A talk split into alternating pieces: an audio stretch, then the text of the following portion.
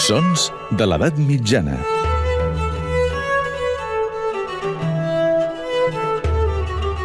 Amb Maria Montes. Tot seguit sentirem un fragment d'un Aleluia, un cant responsorial. Com a tal, es canta com si es tractés d'un diàleg, amb pregunta i resposta.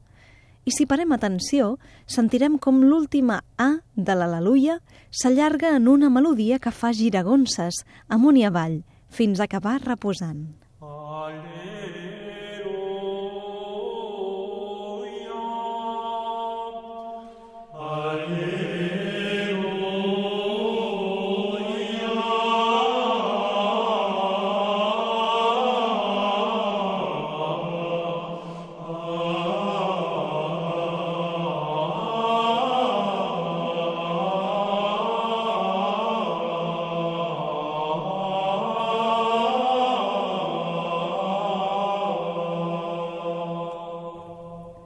I ara, posem-nos en la pell d'en Notcar.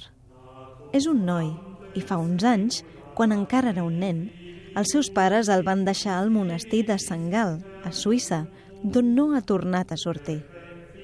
Com tots els monjos, també ha de cantar els oficis de la capella, però aprendre aquestes floritures sobre l'Aleluia, els anomenats iúbilus, és un suplici.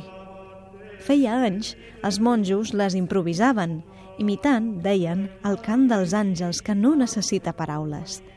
Però ara toca aprendre-les de memòria, i a més, en Notcar balboteja quan està nerviós.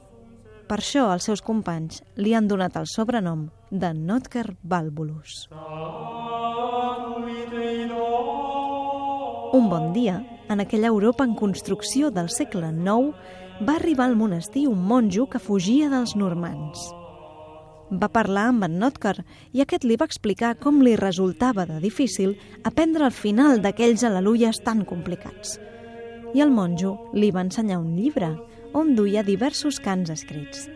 Cants que posaven text a aquella A interminable. Són les anomenades seqüències. Notcar Balbulus va prendre nota d'aquella idea i va decidir que escriuria les seves pròpies seqüències, adequaria síl·labes i versos a aquelles melodies.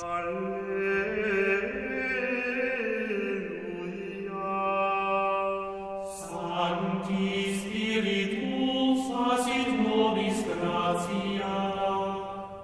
Aquesta història la relata precisament el prefaci del seu Liber Hymnorum, el seu recull de seqüències, que va ser tan popular que es va estendre arreu d'Europa.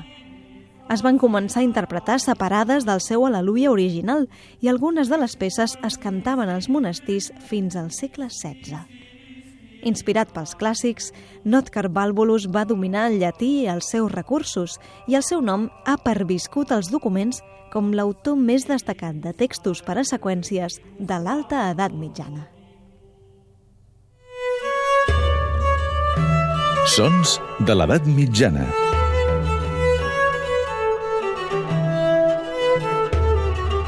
Amb Maria Montes.